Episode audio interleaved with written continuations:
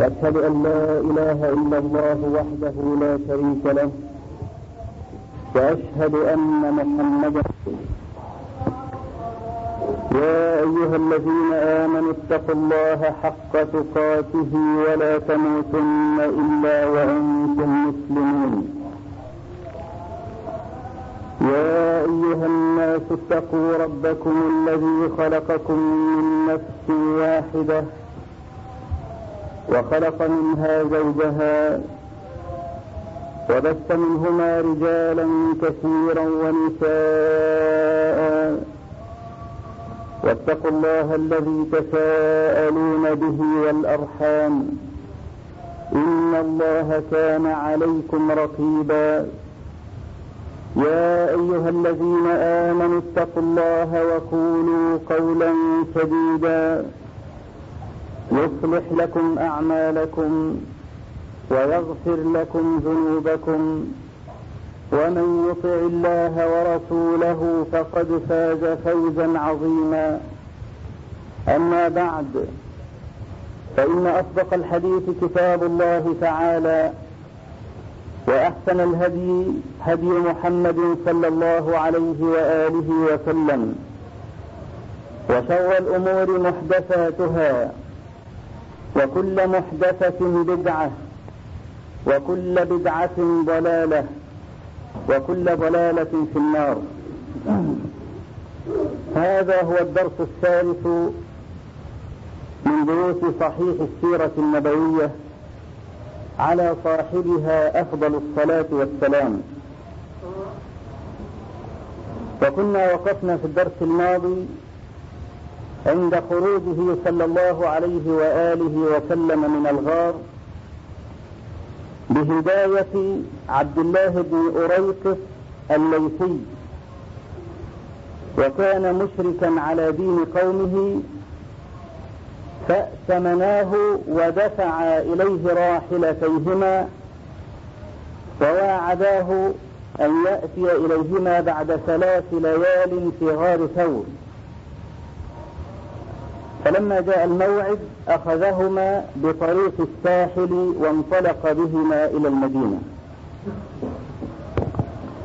وقبل أن نجاوز الأحداث الماضية ننظر إلى بعض الدروس المستفادة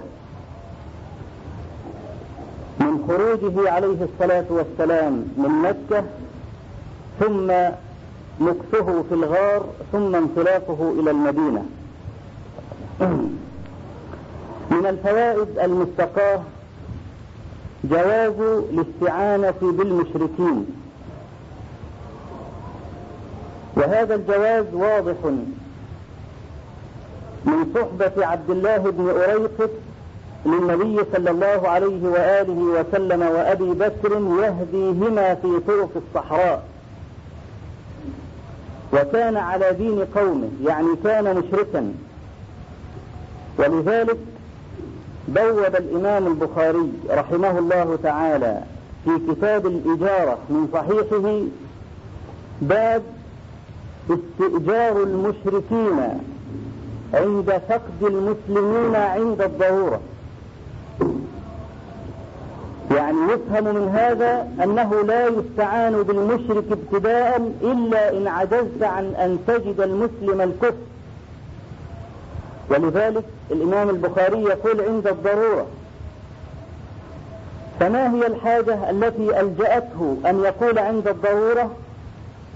مع أنه لا يفهم ذلك من حديث من من واقعة عبد الله بن أريكب الإمام البخاري شأنه كشأن كثير من أهل العلم والفضل بل جميعهم يوفق بين بعض الأحاديث المتعارضة. لأن الإمام مسلما رحمه الله روى في صحيحه من حديث عائشة رضي الله عنها أن النبي صلى الله عليه وآله وسلم لما أراد أن يخرج إلى بدر جاءه رجل من المشركين فقال استعن بي. فقال له عليه الصلاة والسلام تؤمن أن لا إله إلا الله وأني رسول الله؟ قال لا. قال فارجع فإنا لا نستعين بمشرك.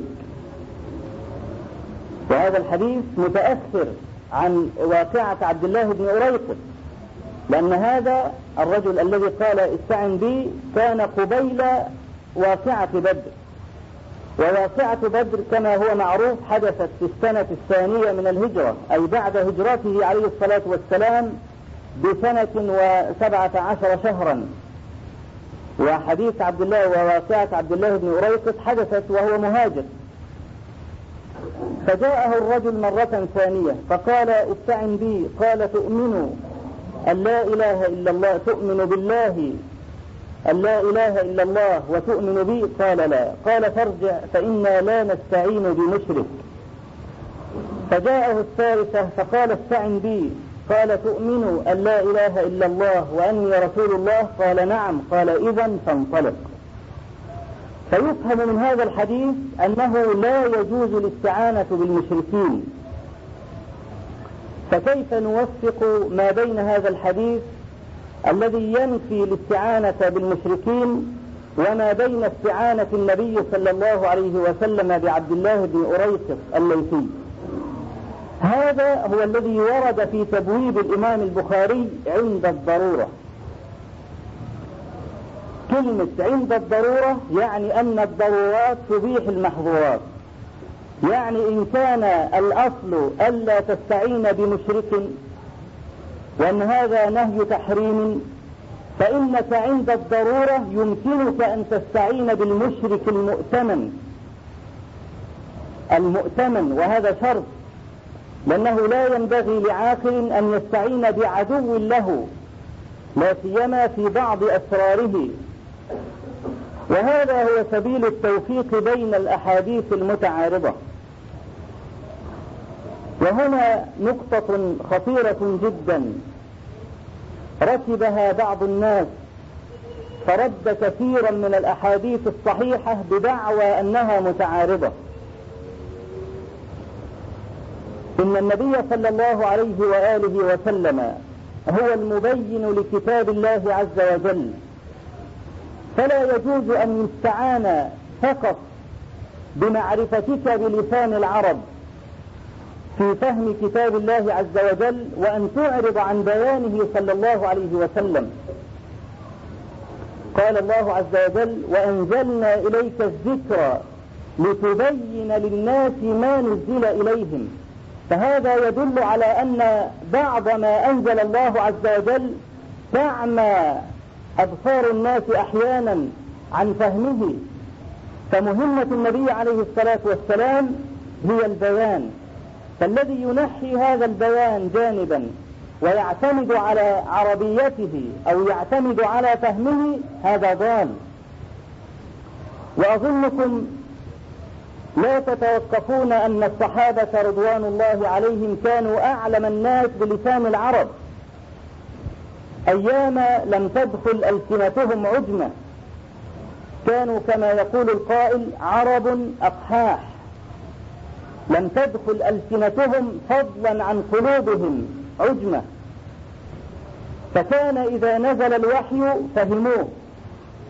لكنهم ضلوا أحيانا في بعض الفهم بسبب الاعتماد على مطلق اللسان العربي. وهناك أحاديث كثيرة تبين ذلك منها مثلا على سبيل المثال ما رواه البخاري ومسلم في صحيحيهما أن الله تبارك وتعالى لما أنزل قوله الذين آمنوا ولم يلبسوا إيمانهم بظلم أولئك لهم الأمن وهم مهتدون. فشقت هذه الآية على نفوسهم. فقالوا يا رسول الله أينا لم يلبس إيمانه بظلم؟ ففهموا من قوله تعالى بظلم جاءت هكذا على التنكير بغير تعريف بالألف واللام والشمول يعني أي ظلم مهما كان صغيرا أو دقيقا يقدح في هذا الإيمان. فقالوا أينا لم يلبس إيمانه بظلم؟ فقال النبي صلى الله عليه وسلم ليس كما تفهمون. هنا جاء البيان. أخطأوا مراد الله عز وجل من الآية لاعتمادهم على مجرد الكلام العربي. وهؤلاء عرب.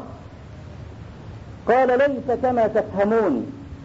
ألم تقرأوا قول العبد الصالح إن الشرك لظلم عظيم؟ هذا هو الظلم.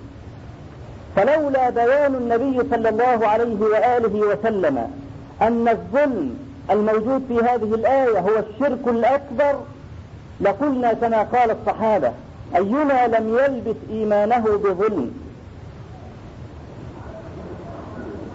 وقول الله عز وجل والمطلقات يتربصن بأنفسهن ثلاثة قروء. اختلف أصحاب النبي صلى الله عليه وسلم في معنى القر هل هو حيض أو طهر؟ المطلقة تتربص بنفسها ثلاث حيضات أم ثلاث أطهار ثلاثة أطهار. اختلفوا في هذا. فذهب علي بن أبي طالب وغيره إلى أن القرء حيض وعليه الأحناف. وذهبت عائشة رضي الله عنها وغيرها إلى أن القرء طهر. اختلف أصحاب النبي عليه الصلاة والسلام في هذا. فتأتي السنة النبوية فتقضي النزاع. وهذا هو معنى قول العلماء إن السنة قاضية على الكتاب. أي أنه إذا جاء القرآن الكريم بمعنيين معنى هكذا ومعنى هكذا ورجحت السنة النبوية معنى من هذين المعنيين أي أنها قضت لأحد المعنيين على الآخر. هذا معنى إن السنة تقضي على الكتاب وإن استشنع بعض المعاصرين هذه العبارة لجهله بها. يقول كيف تقضي السنة على الكتاب؟ وهو جاهل بهذا المعنى بلا شك لأن معنى إن السنة تقضي على الكتاب كما في هذا المثال. القرء حيض أم طهر؟ ما نستطيع أن نميز أو نرجح قولا إلا بمرجح قوي. لأن علي بن أبي طالب هو علي وفهمه هو فهمه. والسيدة عائشة من أدرى الناس بمسألة الأطهار بمسألة القرء فتقول طهر وعلي يقول حيض فأي القولين أصوب ننظر في سنة النبي صلى الله عليه وسلم فنجد البيان. لما جاءته كما في الصحيحين فاطمة بنت أبي حبيش رضي الله عنها وقالت يا رسول الله إني امرأة استحاض فلا أطهر يأتيها الحيض مثلا سبعة أيام. وبعد السبعة أيام تظل سبعة أيام أو عشرة أيام ينزل عليها دم أيضا. لذلك هي تقول للنبي عليه الصلاة والسلام إن امرأة استحاض فلا أطهر لا تطهر دائما لنزول الدم المستمر منها. أفأدع الصلاة؟ فقال ليست هذه بالحيضة. دع الصلاة وقت أقرائك. يبقى القر حيض. لأنه يقول لها دع الصلاة أي اتركي الصلاة وقت أقرائك. عندما يأتيك القر فترك الصلاة. وإنما تترك المرأة الصلاة في الحيض. فدل على أن القرء حيض. وليس طهر. فتأتي السنة النبوية فتحل لنا مثل هذا الإشكال فهذا هو بيانه صلى الله عليه وآله وسلم. فإذا جاء رجل فرأى حديثين متعارضين من أحاديثه عليه الصلاة والسلام فإياه أن يرد أحدهما أو يردهما كما يفعل بعض المعاصرين. وقد نشر كتابا سماه السنة النبوية بين أهل الفقه وأهل الحديث. وزع نشر بين الناس شرا مستطيرا برده لكل حديث يخالف آية أو حديثا آخر بزعمه. ولو أن كل إنسان رد ما لا يفهمه من السنة أو الكتاب لما وجدت سنة ولا كتابا. لو كل رجل رد عشرة أحاديث فقط أو رد أربعة أحاديث أو حديثا واحدا بدعوى أنه لا يفهمه. فقد رد الكتاب والسنة جميعا لأن التعارض الظاهري موجود في كثير من الأدلة وحاشا لكتاب الله أن يعارض بعضه بعضا أو سنة النبي صلى الله عليه وسلم حاشاه أن يعارض الكتاب أو أن يضرب قوله قول قوله الآخر. إنما أهل العلم عندهم باب عظيم اسمه باب مختلف الحديث تأويل مختلف الحديث. إذا جاء حديثان متعارضان في الظاهر أو حديث وآية متعارضان فإن أهل العلم يجمعون بينهما بمئة وجه من الجمع. إن أفلت من الوجه الأول فالثاني فالثالث فالرابع فالخامس ويستحيل. أن يخفق العالم في التوفيق بين حديث صحيح وآية أو بين حديث صحيح وحديث صحيح. يأتي هذا الرجل فيقول لا يقتل مسلم بكافر. لماذا؟ لأن الله عز وجل يقول النفس بالنفس. فلم يعين لنا لم يفرق لنا في القرآن الكريم ما بين نفس المؤمن ونفس الكافر. فالنفس بالنفس. من قتل يقتل سواء كان مسلما أو غير مسلم.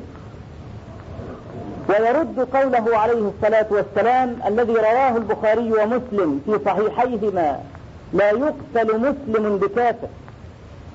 ثم يعلل ما ذهب إليه بقوله وهذا أقرب إلى مواثيق حقوق الإنسان. فانظر مواثيق حقوق الإنسان التي وضعها هؤلاء الكفرة إنما هي مواثيق حقوق الإنسان الغربي الكافر وليس المسلم.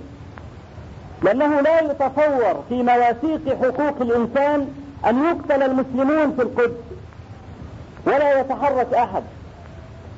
لا يتصور في مواثيق حقوق الإنسان أن يخرج رجل كسلمان رشدي فيعتدي على النبي صلى الله عليه وسلم وأزواجه ولما تكون سائرة الدول الإسلامية فتذهب الدول الكبرى فتسحب سفراءها. ليه؟ تسحبون سفراء لماذا؟ قامت حرب الخليج. والإيران معروف ماذا فعلت في الرهائن الأمريكيين. وما سحبت أمريكا ولا إنجلترا ولا فرنسا سفراءها. إنما يسحبون سفراءهم عند احتجاج الدول المسلمة على سلمان رشدي. لأنه يعتدي على النبي صلى الله عليه وسلم وأصحابه. أين مواثيق حقوق الإنسان؟ إنما هي مواثيق حقوق الإنسان الغربي الكافر فقط.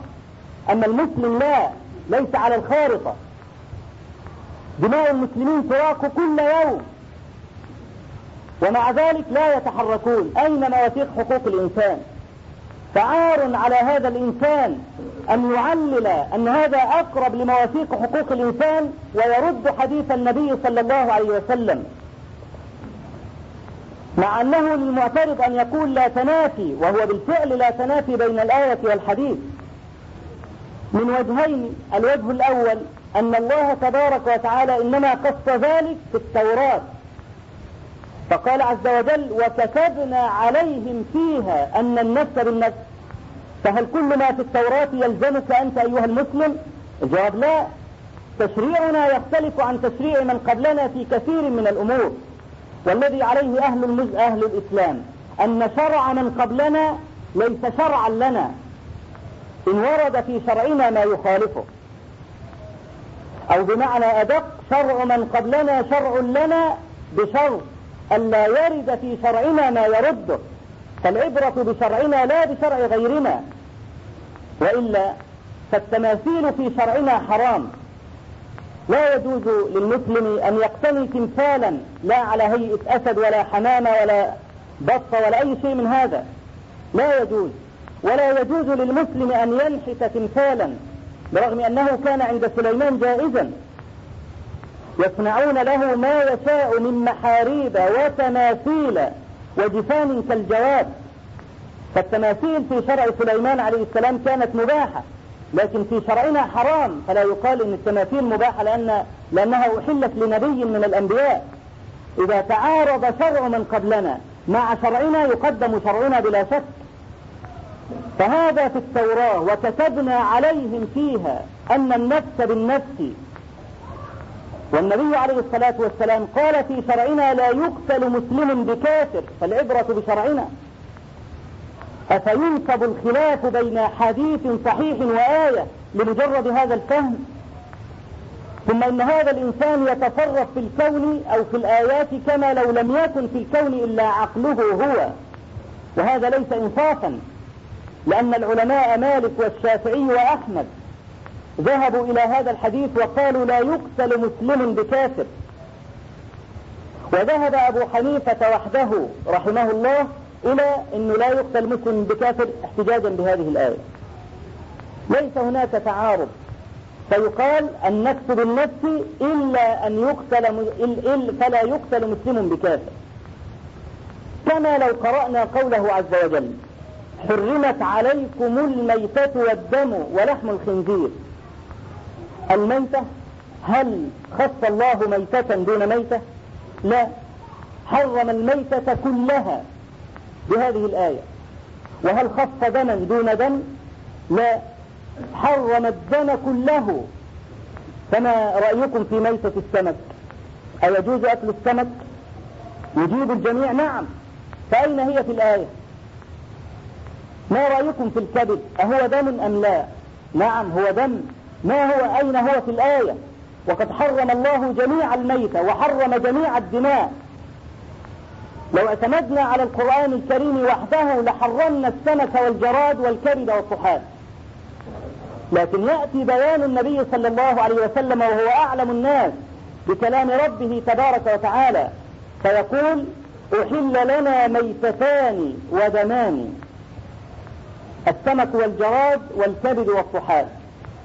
فكيف نفهم هذه الآية؟ نفهمها كالآتي حرمت عليكم الميتة إلا السمك والجراد. والدم إلا الكبد والطحال إلى آخر الآية. فهذا هو هو في قوله لا يقتل مسلم بكافر مع آية النفس بالنفس. ولما ساق الله تبارك وتعالى المحرمات في سورة النساء حرمت عليكم أمهاتكم إلى آخر الآية قال وأحل لكم ما وراء ذلكم. فهل يجوز لك أن تتزوج المرأة وعمتها في نفس الوقت؟ أو أن تتزوج المرأة وخالتها في نفس الوقت؟ على مقتضى الآية نعم. لأن الله تبارك وتعالى لم يذكر هذا الجنس من التحريم في الآية بل قال وأحل لكم ما وراء ذلكم. كل شيء وراء هذا محل فهو بالآية حلال. أهناك مسلم على وجه الأرض يفتي بأن يجمع الرجل بين المرأة وخالتها أو بين المرأة وعمتها؟ الجواب لا. ما الذي جعلكم لا تأخذون بالآية وحدها؟ قوله صلى الله عليه وسلم لا يجمع قوله في حديث النبي عليه الصلاة والسلام نهى أن يجمع الرجل بين المرأة وعمتها وبين المرأة وخالتها. فيأتي بيان النبي صلى الله عليه وسلم فيخصص أو فيضيف هذا النوع من التحريم على الآية. أين التعارض؟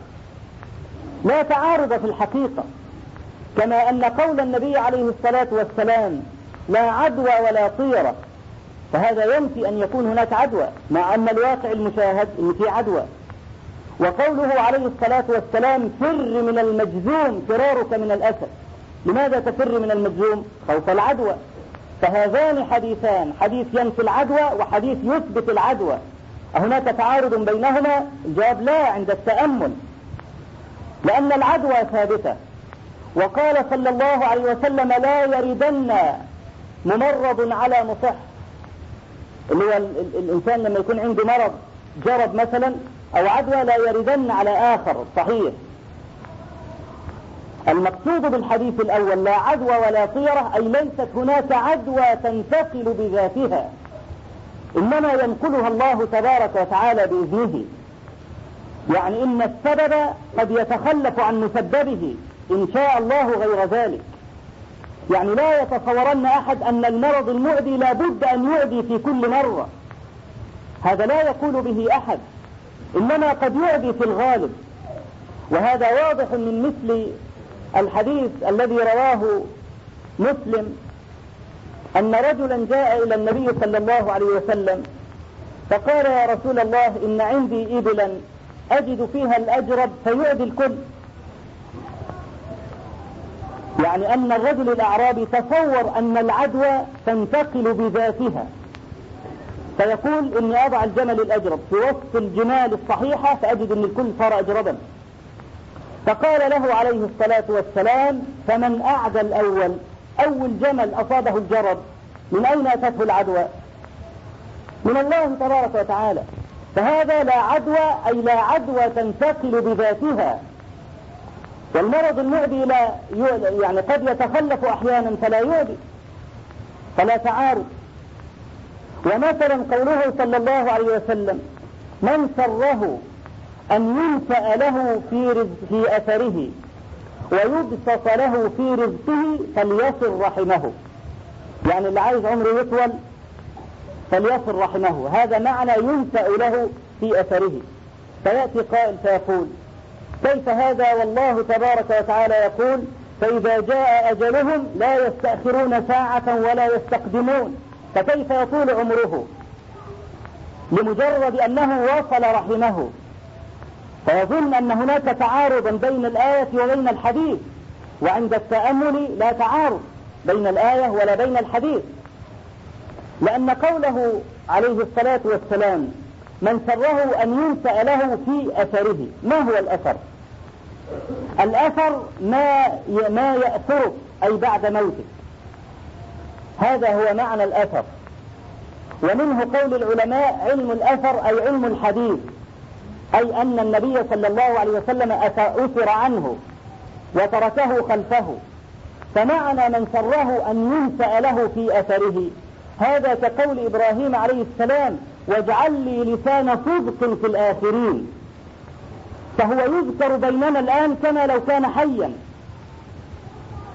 كثير من الأحياء موتى لا يذكرون وكثير من الأموات أحياء يذكرون بيننا. فذكرنا لهم كأنه استمرار لحياتهم. هذا معنى ينفأ له في أثره. وقد يحتمل معنى آخر أن الله تبارك وتعالى يبارك له في عمله بحيث لو عاش رجل ألف سنة لحصل هذا العمل الذي اقترفه في ستين سنة.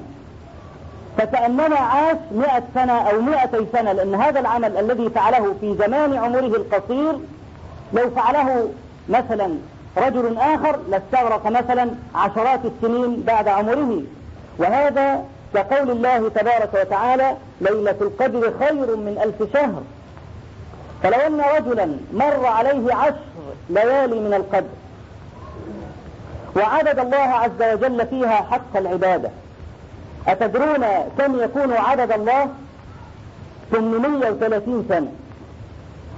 وهو الذي يعيش ستين أو سبعين لقوله عليه الصلاة والسلام أعمار أمتي ما بين الستين إلى السبعين وأقلهم من يتجاوز ذلك. فرجل سن ستين سنة أدرك عشر ليالي من القدر. فعبد الله فيها فاستجاب الله له كأن عبد الله 830 سنة بالإضافة لعمره. فهذا هو معنى قوله أو من معاني قوله عليه الصلاة والسلام ينسأ له في عمره. وهذا بهذا الفهم لا يتعارض إطلاقا مع الأجل المبرم المحتوم الذي يأتي العبد في نهاية عمره فعند التدبر لا تجد اختلافا ما بين آية وحديث. وهكذا نقول في مثل حديث الباب إنا لا نستعين بمشرك.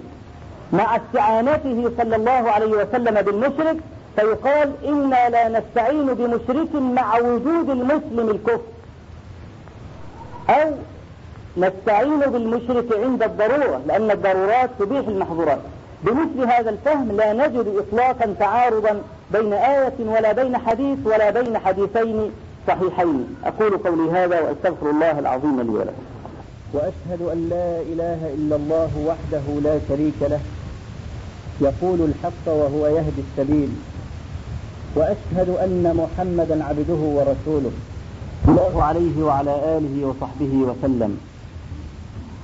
إن منزلة السنة النبوية بالنسبة للقرآن الكريم هي منزلة المبين من المجمل.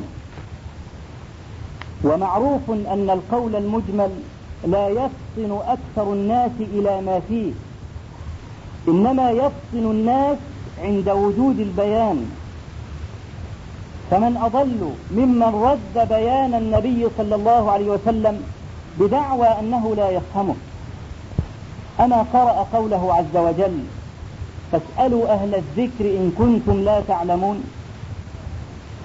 أشكل علي معنى حديث أو معنى آية أكله إلى من هو أعلم مني لا سيما وقد تكلم العلماء كثيرا في الأشياء التي أنكرها هذا المعترض.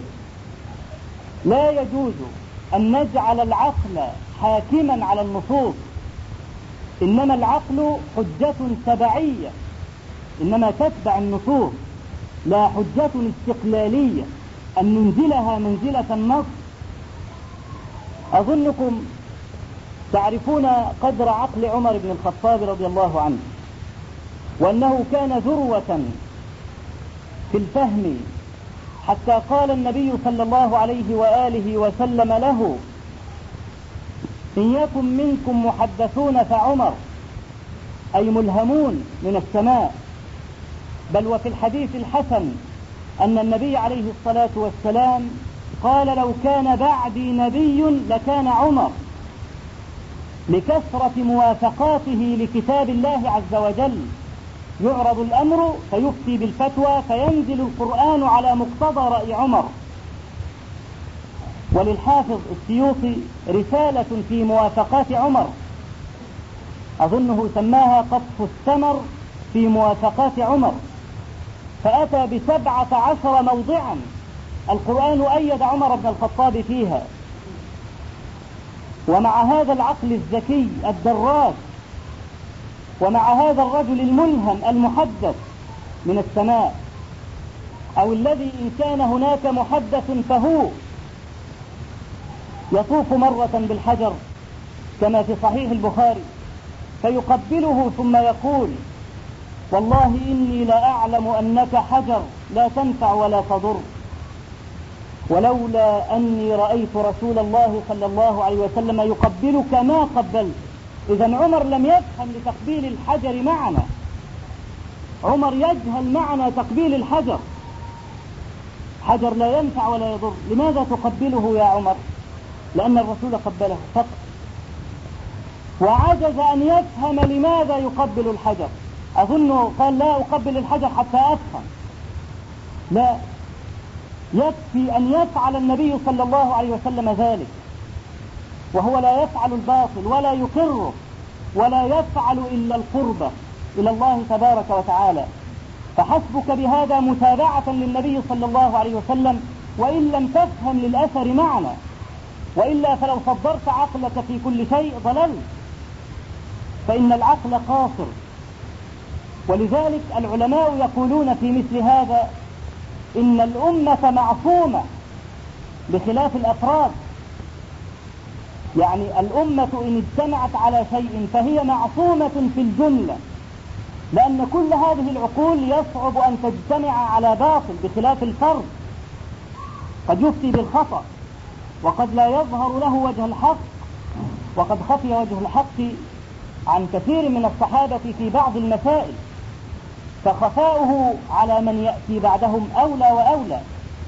فلا يجوز أن تصدر هذا العقل وتقول أنا لا أفهم لهذا الحديث معنى أو تقول مستحيل أن يقول النبي هذا ومن أدراك أنه لم يقله ولم تحكم بالإحالة؟ وغيرك من العلماء الثقات أفتوا بهذا ومروا عليه جيلا بعد جيل ما أنكره أحدهم. أيهما أولى بالضلال؟ مجموعة الأمة كلها أم رجل أو رجلين أو ثلاثة؟ وقد نترفق في, في هذه الكلمة فنقول أيهما أولى بالخطأ؟ رجل فهم فهما أم جماعة تتابعوا على الفهم؟ لا شك أن الصواب أقرب من الجماعة وأبعد عن الواحد. وهذا معروف عند جماهير العلماء. فلا يجوز للمسلم بدعوى أنه لم يفهم الحديث أو لم يفهم الآية أن يرد الحديث أو الآية. فإن الله تبارك وتعالى قال لمثل أولئك فليحذر الذين يخالفون عن أمره أن تصيبهم فتنة أو يصيبهم عذاب أليم. يخالف عن أمره فليحذر أن يخرج من الدنيا مفتونا. أو يصيبه عذاب أليم في الآخرة لأنه رد كلام النبي صلى الله عليه وسلم.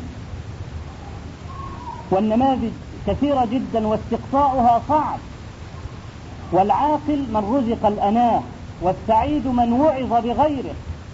وقد أفلح من انتهى إلى ما علم ووقف عندما فهم ووكل ما لم يفهم إلى عالمه. من الفوائد أيضا المستنبطة من حديث الهجرة اتخاذ الأسباب وأن التوكل الحقيقي ليس معناه أن تخلع السبب فإن النبي صلى الله عليه وسلم اختفى في الغار ولو شاء لخرج ونصره الله ولو شاء لنجا ولو شاء لمشى على الأرض وما ضره أحد. لماذا يختفي من المشركين؟ السبب بعض الجهلة يتصور أن أخذك بالسبب هو خلع للتوكل. وما علموا حقيقة التوكل وهو اعتماد القلب على الله. يعني أنك لا تركن إلى السبب على اعتبار أنه هو الذي ينجيك هذا خروج من حقيقة التوكل. إنما أن يعتمد قلبك على الله تبارك وتعالى وأنه المنجي وهذا سبب فقط. وقد رأينا في هذا العصر بعض الضلال الذين قالوا من ذهب إلى الدكتور فهو كافر لماذا؟ وإذا مرضت فهو يشفين. فالذهاب إلى الدكتور كفر لأنه يجب عليك أن تنخلع من الأسباب. وقد رأيت بعض هؤلاء وكنا معا في مكان واحد. فكان هذا الرجل كل صباح وكان من الطائفة التي تدعى بالفرماوية. ففي سنة 81 في الاعتقالات التي حدثت جمعتنا الظروف مع بعض أولئك. اثنان من الفرماوية مع سبعة عشر رجلا من التكفير مع عشرين رجلا منا أي من الذين لا يكفرون.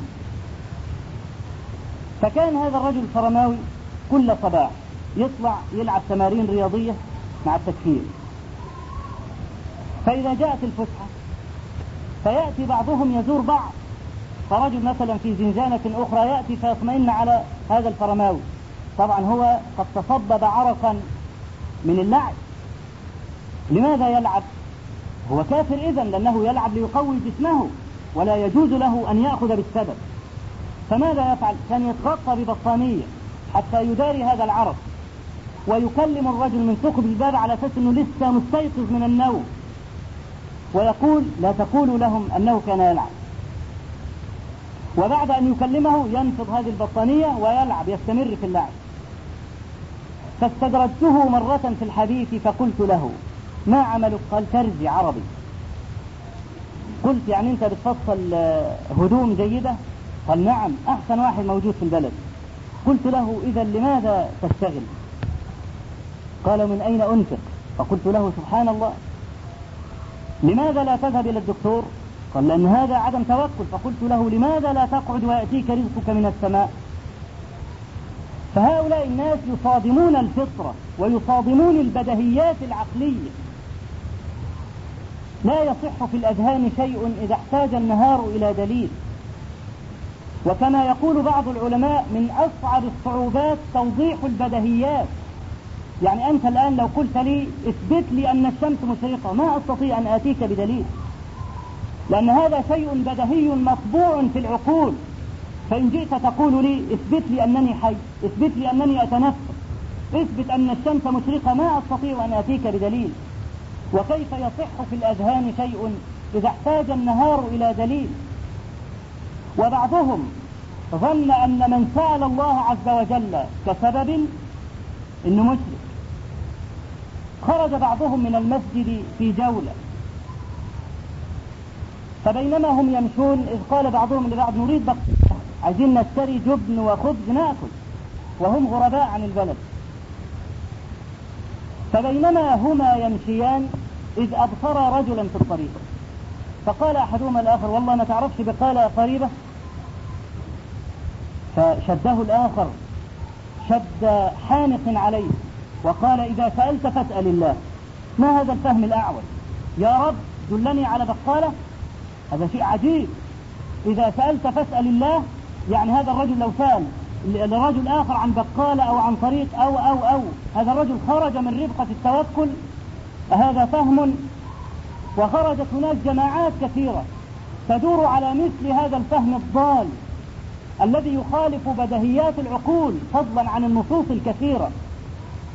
إن إعمال السبب ليس خروجا من التوكل كما أن الصحابة رضوان الله عليهم كانوا يعملون.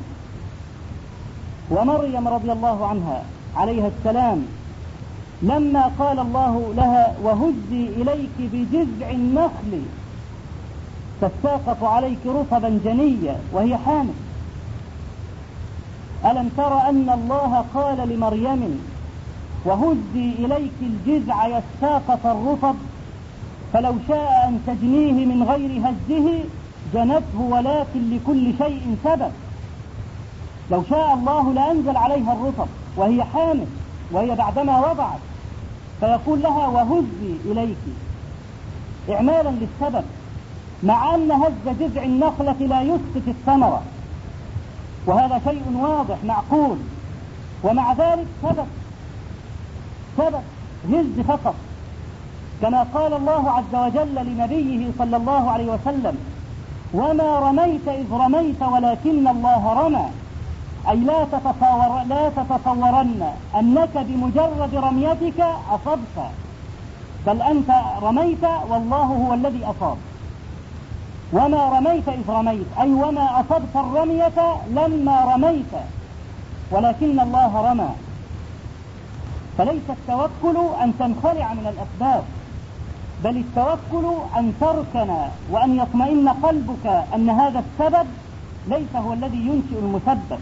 إنما الله تبارك وتعالى هو الذي يجعل هو الذي يجعل الشيء بهذا السبب.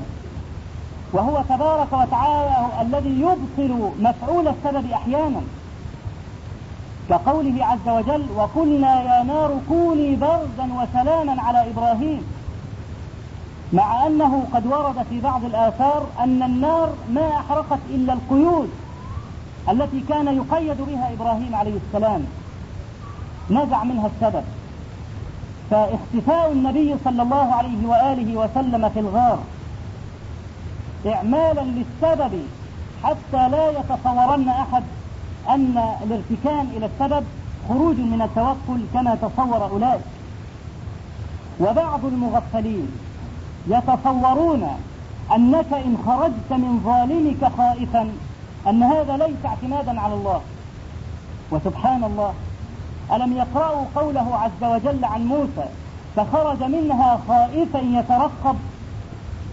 موسى خرج منها خائفا يترقب. وإبراهيم عليه السلام نكرهم وأوجس منهم خيفة. قلنا لا تخف. ولوط عليه السلام لما جاءه قومه يهرعون إليه. قال لو أن لي بكم قوة أو آوي إلى ركن شديد فعلق النبي صلى الله عليه وسلم على قول لوط وقال يرحم الله أخي لوطا فقد كان يأوي إلى ركن شديد وهو الله. كيف يقال إن هذا الخائف لا يعتمد على الله؟ هذه أشياء فطرية مركوزة في الفطر. لا ينصبن أحد ما ركز في الفطر مع هذه الثوابت أن يقول الخوف خروج من الاعتماد على الله. ولقد قال لي أحدهم وهو من جماعة التكفير إن أحد نواقض لا إله إلا الله الخوف. وهذا شيء عجيب لم يقل به أحد إطلاقا. لأن هذا الخوف كما قلنا مركوز في الفطر. والله تبارك وتعالى كما سقت لكم من الآيات وهناك أحاديث كثيرة أن بعض الصحابة خرج خائفا. كمثل سفينة مثلا لما كسرت به السفينة في البحر ورأى الأسد فارتعد منه. وقال له السلام عليك يا أبا الحارث إني صاحب رسول الله صلى الله عليه وسلم. قال فرأيته يمسح جسده فيه. وسبحان الذي أفهم الأعجمية الكلام العربي. ما من دابة إلا هو آخذ بناصيتها. إن ربي على صراط مستقيم. قال فأخذني. فدلني على الطريق وضربني بذيله. فرأيت كأنه يودعني. أشياء كثيرة إن استقصيناها ضاق المقام جدا. وإنما يكفي العاقل قصرة ليستدل بها على البحث. فنسأل الله عز وجل أن يبصرنا بعيوبنا وأن يتقبل منا صالح أعمالنا وأن يتقبل منا صيامنا وقيامنا. اللهم اغفر لنا ذنوبنا وإسرافنا في أمرنا وثبت أقدامنا وانصرنا على القوم الكافرين. اللهم اجعل الحياة زيادة لنا في كل خير واجعل الموت راحة لنا من كل شر. اللهم آت نفوسنا تقواها وزكها أنت خير من زكاها. أنت وليها ومولاها.